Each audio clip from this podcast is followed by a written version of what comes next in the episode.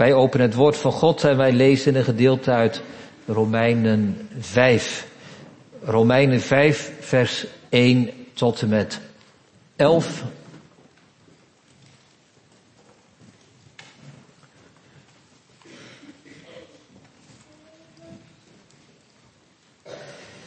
Romeinen 5 vers 1 tot en met 11. Het woord van God spreekt hier als volgt. Wij dan, gerechtvaardigd uit het geloof, hebben vrede bij God door onze Heer Jezus Christus. Door Hem hebben wij ook de toegang verkregen door het geloof tot deze genade waarin wij staan. En wij roemen in de hoop op de heerlijkheid van God. En dat niet alleen, maar wij roemen ook in de verdrukkingen omdat wij weten dat de verdrukking volharding teweeg brengt en de volharding ondervinding en de ondervinding hoop. En de hoop beschaamt niet, omdat de liefde van God in onze harten uitgestort is door de Heilige Geest die ons gegeven is. Want toen wij nog krachteloos waren, is Christus op de bestemde tijd voor goddelozen gestorven. Want bij hoge uitzondering zal iemand voor een rechtvaardige sterven. Hoogstens immers heeft iemand de moed om voor de goede mens te sterven. God, echter, bevestigt zijn liefde voor ons daarin dat Christus voor ons gestorven is toen wij nog zondaars waren. Veel meer dan zullen wij, nu wij gerechtvaardigd zijn door zijn bloed, door hem behouden worden van de toorn. Want als wij toen wij vijanden waren met God verzoend zijn door de dood van zijn zoon, hoeveel te meer zullen wij behouden worden door zijn leven, omdat wij verzoend zijn. En dit niet alleen, maar we roemen ook in God door onze Heer Jezus Christus, door wie wij nu de verzoening ontvangen hebben. Tot zover de lezing uit de schrift. Ik was van plan gemeente om uh, deze tweede zondag na Pasen over uh, de opstanding te preken vanuit dit gedeelte. En dat ga ik ook doen vanmiddag. Uh, er wordt een vergelijking gemaakt. Eerst de dood van Christus en dan vers 9 en 10. Veel meer nog de opstanding.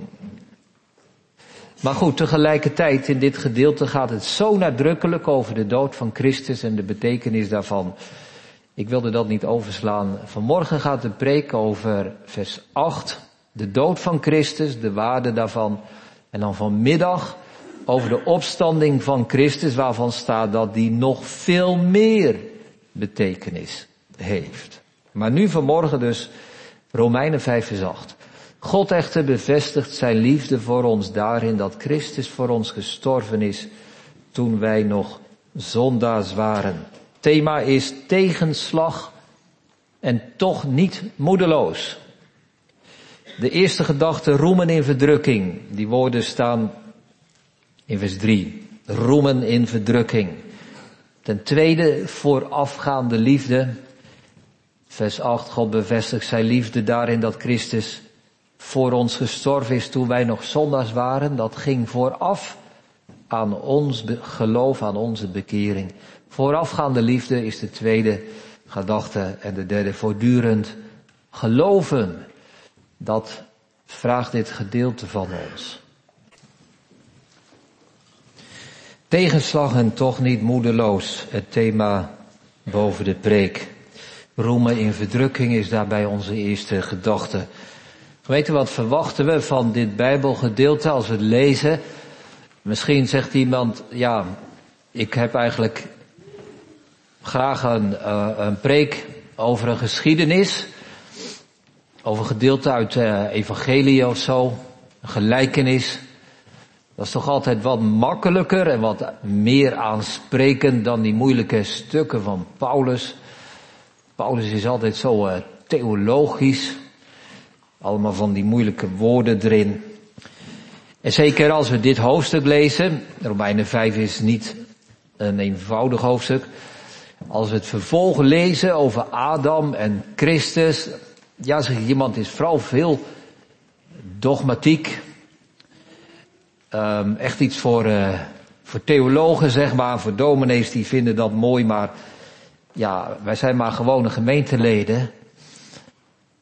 Wat kunnen wij daarmee?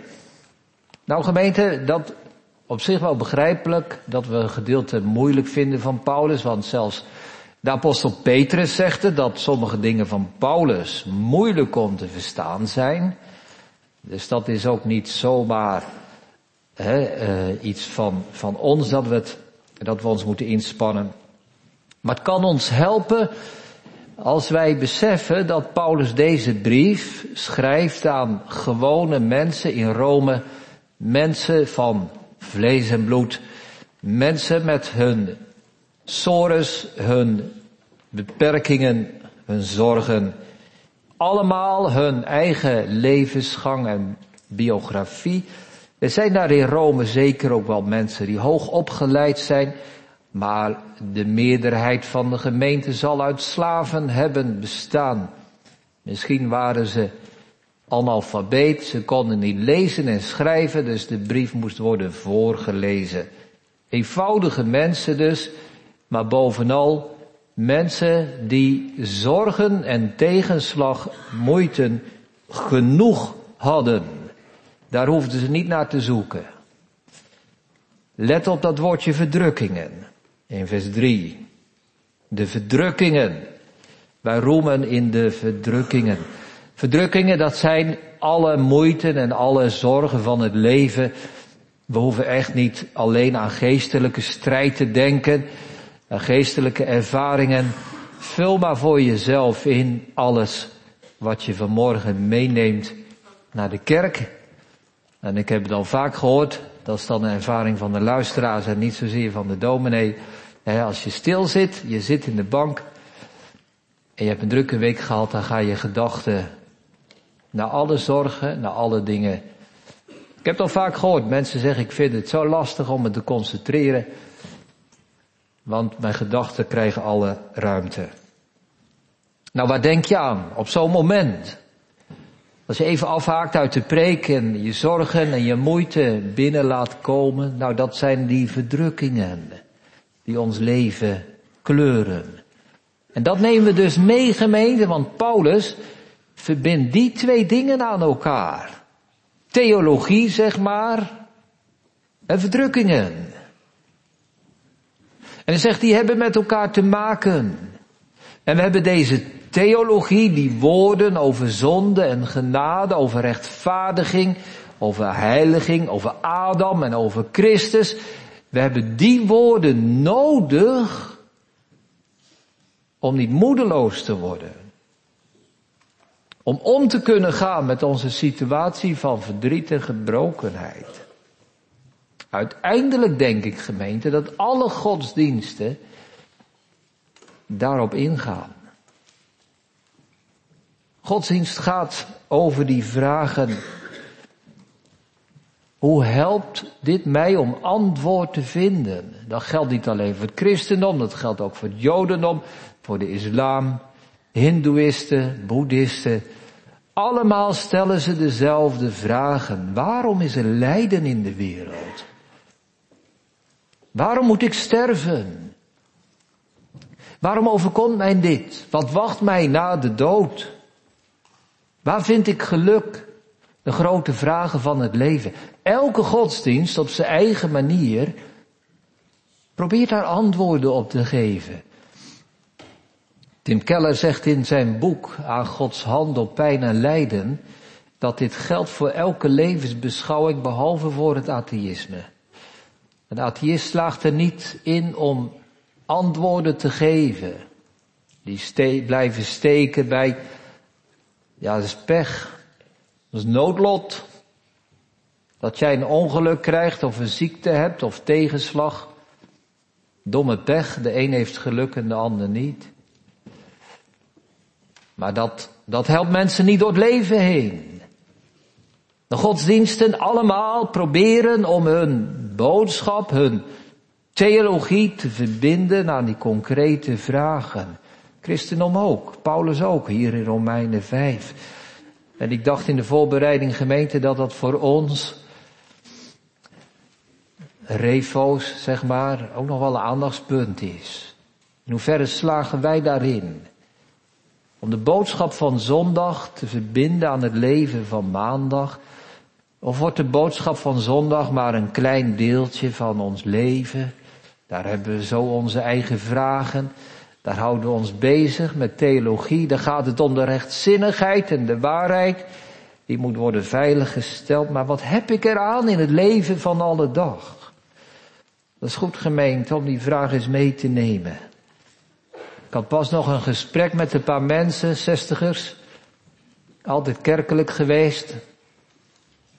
Dominee zeiden ze, we weten het niet. We begrijpen het niet. Rechtvaardiging en heiliging. Wat is er eerst, wat komt daarna? Moeilijk. Moeilijk. Ja, dan, als dat zo ligt, gemeente, dan slagen wij er niet in om wanneer wij Romeinen 5 te lezen, dat toe te eigenen. Want dat is wat Paulus wil. Dat je zegt, op zondag heb ik een preek gehoord over de rechtvaardiging. En daarom kan ik het rouw en verdriet van maandag weer aan. Ik heb een preek gehoord over de dood van Christus. En daarom ben ik niet meer bang voor mijn eigen dood. Zo worden de verdrukkingen en de theologie samengevoegd. Dat zegt Paulus in vers 3. Wij roemen in de verdrukking, in de tegenslag, kunnen wij toch roemen. En dat woord roemen, dat betekent, de kanttekening zegt dat, trotseren. Je kunt er tegenop. Je houdt vol. Je overwint. Je kunt ze de baas zijn. Driemaal zegt Paulus dat woordje roemen. Vers 2, wij roemen in de hoop. Vers 3, wij roemen ook in de verdrukking. En vers 11, en dit niet alleen, maar wij roemen ook in God. Dat is een christen. Een christen roemt. Dus midden gemeente in dit dogmatische gedeelte geeft Paulus ons aanwijzingen. Hoe wij de neerslachtigheid en de somberheid, de wanhoop in ons leven kunnen voorkomen. En dat doet hij met de boodschap over de dood en opstanding van Christus. Ik las bij een oude schrijver een mooi voorbeeld. Simeon Ash, die is zo'n bekende puritein, maar die zegt, vergelijk je je innerlijk, je ziel nu eens met een schip. En dat schip dat vaart op het water en dat water is een beeld van alle zorgen. Nou, dat water gaat niet weg, het is er. Maar zegt hij, dat water wordt pas een probleem als het water in het schip komt. Als het maar buiten het schip blijft, is het eigenlijk niet eens zo erg, zegt hij, dat er heel veel water is. Maar zorg ervoor dat dat lijden niet jouw hart vervult en het schip laat zinken.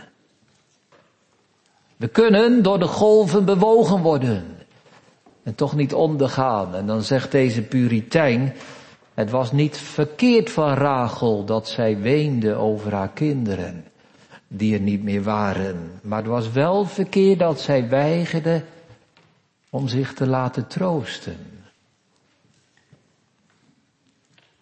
Daar hebben de Bijbelse boodschap. En vanmorgen leg ik daar de nadruk op, gemeente, op die verbinding tussen verdrukking en de boodschap van de dood en opstanding van Christus. Geloven en roemen, dat hoort samen. Weten met je verstand en ervaren in je hart. En vanmiddag zal ik die lijnen doortrekken naar de woorden van vers 9 en 10, veel meer. Dan gaat het vooral over de opstanding. Nu vanmorgen, hoe kan de dood van Christus ons helpen in ons concrete leven? Laten we naar de tweede gedachte gaan, voorafgaande liefde. Wat zorgt er nu voor gemeente dat wij de verdrukking aankunnen?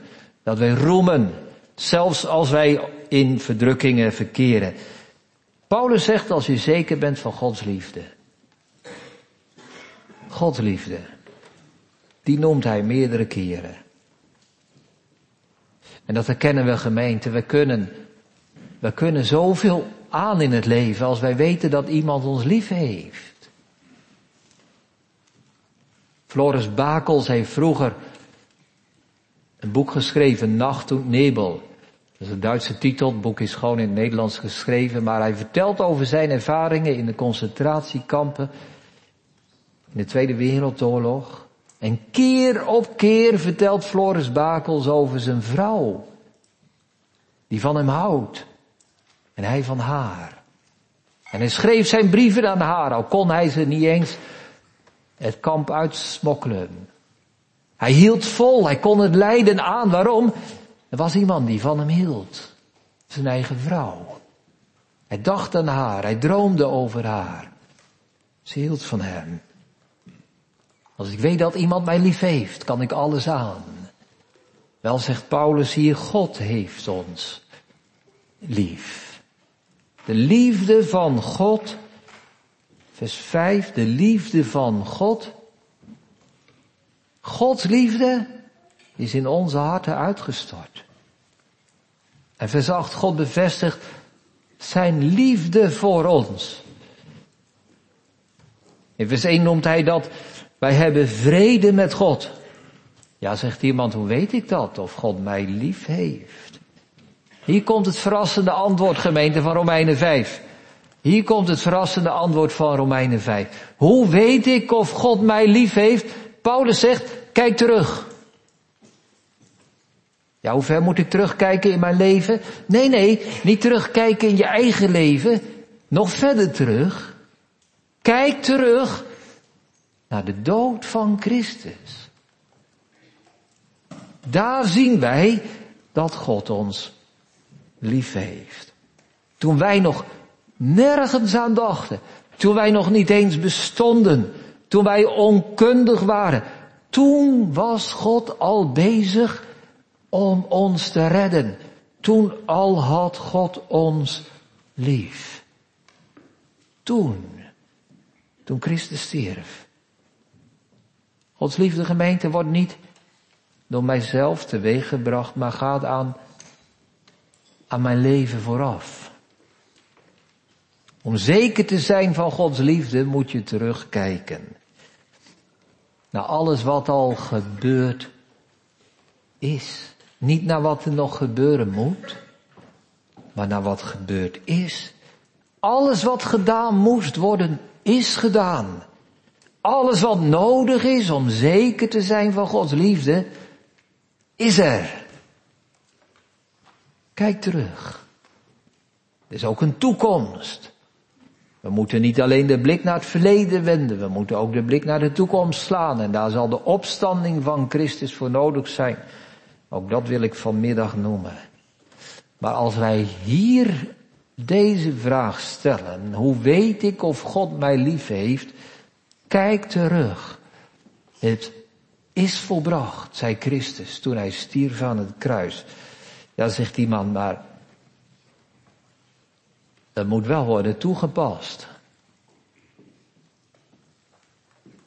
Ja, maar zegt iemand anders, er moet toch wel wat gebeuren in een mensenleven? Ja, maar het werk van de Heilige Geest is nodig. Ja, maar zonder wedergeboorte kan het niet. Ja, maar Christus stierf niet voor alle mensen. Ja, maar dominee, het lijkt wel alsof u de algemene verzoening leert als u het zo algemeen stelt. Ja, maar het gaat toch wel over vijanden en zondaren en goddelozen. Dat moet ik toch wel eerst ervaren hebben. Kortom, ja, maar het gaat zomaar niet. Ik heb ze geteld. Acht keer ja maar. Mag ik gemeente ook een keer ja maar zeggen? Als we deze jama's in ons hart boven voelen komen, dan dan draai ik het om. Eén ja maar. Ja. Maar zegt de Bijbel dit? Als je al deze jama's op voelt komen, laat ze maar boven komen hoor. Als je al die jama's ervaart, stel jezelf eens de vraag, ja maar, luister ik nu nog naar de tekst? Want luisteren naar Gods woord betekent niet gemeente, we lezen een stukje. We doen de Bijbel dicht of we schuiven hem aan de kant. En we gaan er wat over mediteren en nadenken. En er vallen ons wat gedachten in en we zien opeens een verband. We associëren wat. En dat is dan wat we in de Bijbel lezen. Luisteren naar het woord van God gemeente is je aan de tekst houden. Dat geldt voor u als hoorder, dat geldt ook voor mij als dominee. Hè? Ik kan u vertellen dat die verleiding er soms best wel is. Hè? Neem dit gedeelte. Ik hoef die acht jaar maars niet te verzinnen. Ze komen bij mij ook naar boven. Ja, maar dan dit en dat. En een dominee kan ook de neiging hebben om te denken, oeh, de hoorders zullen nu wel dit denken en dat denken en dan moet ik dus dit gaan zeggen en laat ik dat vertellen. Maar gemeente, ik doe het niet. Ik doe het niet, want dan houd ik mij niet meer aan die tekst. Al die acht jama's, of die tachtig als we ze bedenken, staan niet in de tekst. Paulus heeft ze niet genoemd. De Heilige Geest heeft hem niet zo geïnspireerd dat hij dat er allemaal bij staat. Pas op gemeente dat onze jama's niet gaan gelden als kritiek op de tekst. En misschien hebben we dan soms kritiek op de dominee. Maar stel jezelf maar eens die vraag. Heb je nu eigenlijk kritiek op de dominee? Of heb je kritiek op de tekst? Paulus noemt het hier allemaal niet. Paulus zegt, geïnspireerd door de geest van God, God bevestigt zijn liefde voor ons daarin dat Christus voor ons gestorven is toen wij nog zondaars waren. Dat is er wat er staat gemeente. Dat is wat Paulus zegt. Dat is wat God zegt. God zelf bevestigt zijn liefde vanmorgen tegenover u en jou. Want Christus is al gestorven toen jij nog zondaar was. En voor je het weet heb je niet kritiek op de dominee, maar heb je kritiek op God. Heb je niet kritiek op de preek, maar kritiek op de Bijbel. Als God zegt gemeente dat dit zo gebeurd is, moeten wij God niet gaan corrigeren en aanvullen. Als God zegt dat het gebeurd is, moeten wij toch niet gaan vertellen aan God wat er nog gebeuren moet? Als God ons vanmorgen wijst met alle nadruk op het werk van zijn zoon, moeten wij God niet bekritiseren en zeggen wat er nog nodig is aan het werk van de Heilige Geest. Luisteren naar de woorden. Nog erger dan dat gemeente, wat doen we eigenlijk hè, als we zo denken? Misschien zeggen we het niet eens hardop, al die jama's, maar van binnen denken we dat. Wel, we minimaliseren, we maken die liefde van God klein. Als God zegt dat Hij zijn liefde bevestigt in de dood van zijn zoon. Als God de wereld zo lief heeft gehad dat Hij zijn enige geboren zoon in de dood gegeven heeft. Wat zeggen wij als we daar kritiek op hebben? Dan zeggen wij, hou je vast, ja, maar dat is geen echte liefde. Dat is wel goed, dat is wel mooi, dat is wel nodig. Maar het gaat om de wedergeboorte. Het gaat om dit, het gaat om dat. Wat zijn we dan aan het doen, gemeente? De profeet Jesaja heeft al in Jesaja 53 gezegd. Het behaagde God om zijn zoon te verbrijzelen. De puritein James Durham zegt, God heeft als het ware zijn oren toegesloten voor het gekerm van zijn eigen zoon. Omdat hij onze zaligheid nog meer lief had dan zijn eigen zoon. Dat zegt God hier. Hij bevestigt zijn liefde. En wat zeggen wij? Ja, maar het gaat toch wel om wat anders. God gaf zijn zoon over in de angst van de hel. En de verlatenheid aan het kruis. En wij zeggen, iedereen heeft het tegenwoordig over Jezus. Wel gemeente, tweede gedachte gaan we afsluiten. Houd je aan de tekst. Houd je aan de tekst. Lees wat er staat. God spreekt hier. God bevestigt zijn liefde voor ons daarin dat Christus voor ons gestorven is toen wij nog zondaars waren. God zegt het. God bevestigt het. Alles wat gebeuren moest, is gebeurd. De derde gedachte. Voortdurend geloven. Mag iedereen dan zeggen, Christus is voor mij gestorven? Komen alle mensen dan in de hemel? Komt het wel goed met iedereen? Nee, toch niet. Toch niet.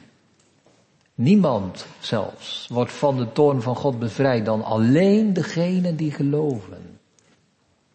Niemand ontvangt de liefde van God dan alleen degenen die geloven. Ja, zegt iemand, nu snap ik het helemaal niet meer. Nu raak ik helemaal de draad kwijt. Hier loop ik vast. U zegt eerst in de tweede gedachte dat God zijn liefde bevestigt voor ons. Dat het allemaal gebeurd is. En nu in de derde gedachte zegt u, ja, maar het gaat wel over het geloof. Hoe weet ik nu dat ik hoor bij die ons en bij die wij van vers 8?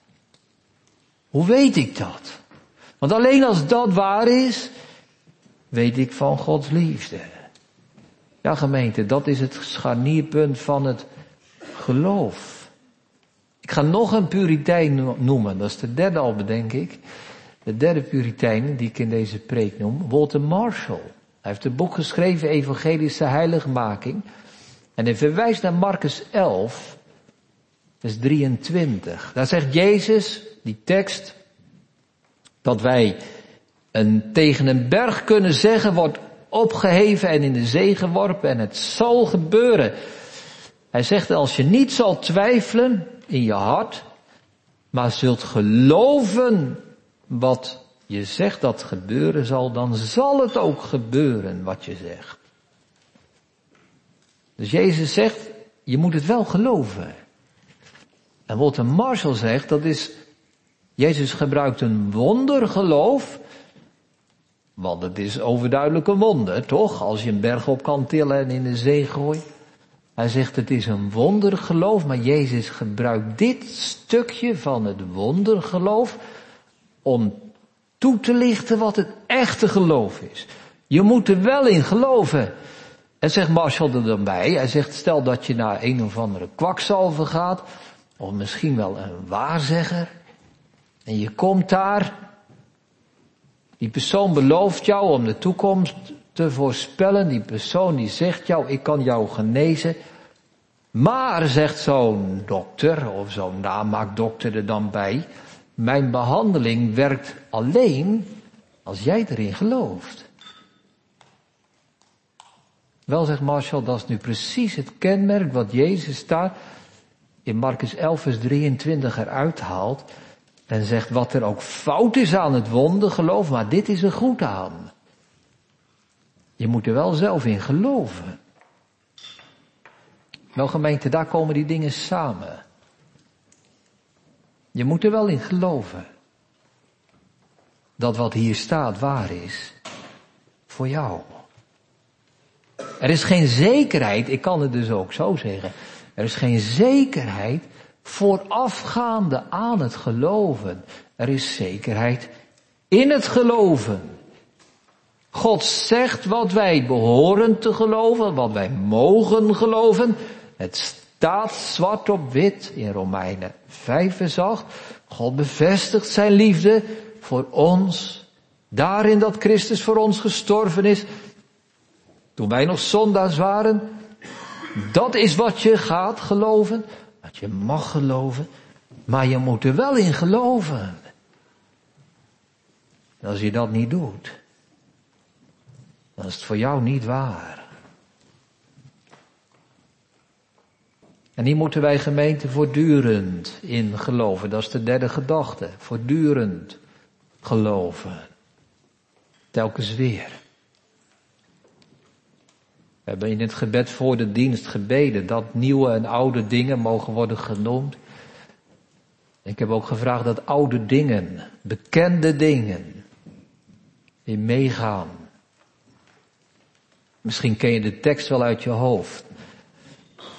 Romeinen 5 vers 8. Misschien wist je al lang wat wij leren over de dood van Christus en de betekenis daarvan. Misschien heb je het al op de lagere school gehoord, geleerd in de catechismus. Wel gemeente, dan is er misschien niet zoveel nieuwe kennis vanmorgen. Maar ik hoop wel dat er voortdurend geloven mag zijn. Weet u nog die eerste gedachte? Die verbinding met de verdrukking en de moeite. Nou, de roemen in de verdrukking. Dus dat die oude bekende woorden van Romeinen 5 weer nieuwe kracht krijgen. Dat je opnieuw geraakt wordt. Opnieuw bewogen wordt. Onder die liefde van God. Die zo groot is. En die zo vast is. En die zo onveranderlijk is als het verleden. En die zo vast is als het helsfeit van Goede Vrijdag. Deze woorden gemeente helpen alleen in de verdrukking als je ze gelooft. Als je alleen je vertrouwen erop stelt en zegt ja, God heeft mij lief. En ik kom door die verdrukking heen en ik trotseer alles. En ik zal ze de baas zijn, want er is iemand die mij lief heeft. Iemand. Niemand minder dan God zelf. Telkens weer, voortdurend geloven, gemeente, want het leven slurpt ons leeg. En de zorgen zijn van die energie slurpers die ons leeg maken en moedeloos. dan hebben we telkens weer nodig om te zeggen, ja maar, zondag, Romeinen 5, werd gelezen in de kerk. Het staat er zwart op wit, God heeft mij lief. Ondanks wat ik zie en merk en voel en beleef en ervaar.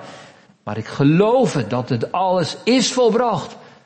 En ik kijk niet terug naar gisteren en ik kijk niet terug naar het begin van mijn leven. Maar ik kijk nog verder terug naar de dood van Christus. En God bevestigt zijn liefde. Al te vaak gemeenten luisteren naar het evangelie vanuit het standpunt van de ongelovigen. Wat bedoel ik daarmee? Wel, we lezen een gedeelte als dit en we zeggen, ja, maar hoe zit dat nu, hè? Als je nou niet gelooft, wat blijft er dan over van die tekst? Als je nou niet bekeerd bent, wat heb je dan aan die tekst? als je nu niet uitverkoren bent, hoe zit het dan? Moeilijke vragen. Hoe weet ik of Christus voor mij gestorven is als ik niet durf te geloven? Moeilijke vragen. Verkeerde vragen. Verkeerde vragen gemeente. Je kunt er vast in blijven zitten de rest van je leven. Die teksten die vragen om geloof. Dat is net als met een politieke partij. Laten we vanuit gaan dat er een goede politieke partij is. Er zijn er ook die loze beloften hebben, maar als er nu een partij is, gemeente, die belooft dat de belastingen omlaag gaan, dat er meer veiligheid komt. Onderwijs krijgt aandacht, de zorg wordt verbeterd, enzovoort. En je hoort al die mooie beloften. Stel je voor dat je zegt, dat klinkt wel goed, maar ik zal eerst maar even afwachten tot ze echt in de regering zijn en groot genoeg zijn en dan ga ik wel op ze stemmen. Ja, daar komt er natuurlijk niks van terecht. Je moet in die belofte geloven voordat ze dat kunnen gaan verwezenlijken. Voordat je het ziet, eerst moet je je vertrouwen erop stellen. En dan kan die partij zeggen, nu hebben wij zoveel kiezers, nu zijn we gegroeid, nu kunnen we het gaan verwezenlijken. Nu wordt het echt wat we beloofd hebben. Nou, wij zijn zo vaak van die mensen die aan de kant staan. En Gods belofte zien als de belofte van een politieke partij. Laat dit eerst maar eens bewijzen. God moet het eerst maar eens laten zien en dan zal ik wel op hem stemmen. Dan zal ik hem vertrouwen en geloven. Nee, gemeente. God vraagt van ons voortdurend vertrouwen. Hij maakt zijn belofte waar. Aan degenen die hem geloven. Als je er niet in gelooft, gemeente, dan verandert er niets. We zouden nog zo brutaal zijn ook. Om ons hele leven aan de zijlijn te staan. En dan aan het einde van ons leven, als we met lege handen staan tegen God zeggen, ziet u wel, het was toch niet voor mij bedoeld. Is dat onze toekomst? Is dat ons ongeloof? God vraagt gemeente nu van ons geloof en overgave en vertrouwen. Ook al zie je het niet. Maar hij geeft zijn belofte. En wat die belofte is, daar hoef je niet aan te twijfelen als je Romeinen 5 vers 8 leest. Dit is wat hij belooft. God bevestigt zijn liefde voor ons. Dat Christus voor ons gestorven is toen wij nog zondaars waren. Hij maakt die belofte waar. Dankzij het geloof. Ik noemde dat net het standpunt van het ongeloof. Moeilijke vragen. Waar we niet zomaar uitkomen. Standpunt van geloof, gemeente. Geeft eenvoudige vragen. Luister maar, een van die vragen. Als ik God op zijn woord vertrouw, zal God dan betrouwbaar blijken? Ja. Ja. Als ik geloof dat deze woorden waar zijn voor mij, zijn ze dan ook waar voor mij? Ja. Ja, dan zijn ze waar voor u. Als ik geloof dat Christus voor mij gestorven is, is Hij dan ook voor mij gestorven? Ja. Dan is Hij voor u gestorven. Wil je af van die moeilijke vragen? Van die moeilijke vragen van het ongeloof? Hier hebben we de eenvoudige vragen en de heldere antwoorden. Ja. In het geloof wordt het waarheid. Wel gemeente, leven door het geloof. Dat betekent niet dat je één keer of twee keer of drie keer misschien in je leven een moment hebt dat je denkt, ja, misschien is het toch waar. Leven door het geloof. Luther zegt is niet alleen ootsmoedig zijn, maar ook vrijmoedig zijn. En zeggen, dit is waar voor mij. God bevestigt zijn liefde voor mij. Daarin dat Christus voor mij gestorven is. Toen ik nog een zondaar was. En dit geloof leert ons om te roemen in de verdrukkingen. Niemand minder dan God zelf heeft mij lief. Ik kom hier doorheen. Ik trotseer de verdrukking. Ik overwin ze. Ik houd vol. Ik geef niet op. Want ik denk aan Hem die mij heeft liefgehad. Toen ik nog een zondaar was. Wel gemeente, dit is de preek voor vanmorgen. De dood van Christus. Vanmiddag gaan we luisteren naar die woorden veel meer.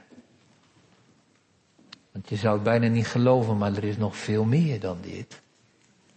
Nog veel meer dan dit. Christus is niet alleen gestorven, maar wat meer is, hij is ook opgestaan. Maar voor nu is dit genoeg. Wat wij nu gehoord hebben, nemen wij mee. En dit hebben wij gehoord. God bevestigt zijn liefde voor ons daarin dat Christus voor ons gestorven is toen wij nog zondaars waren. Amen. Wij zingen over deze God uit Psalm 116. God heb ik lief, want, want die getrouwe Heer hoort mijn stem, mijn smeking en mijn klagen. En vers 5. Gij hebt, o Heer, in het dodelijkste tijdsgewricht mijn ziel gered. Laten we dat zingen. Psalm 116, vers 1 en 5.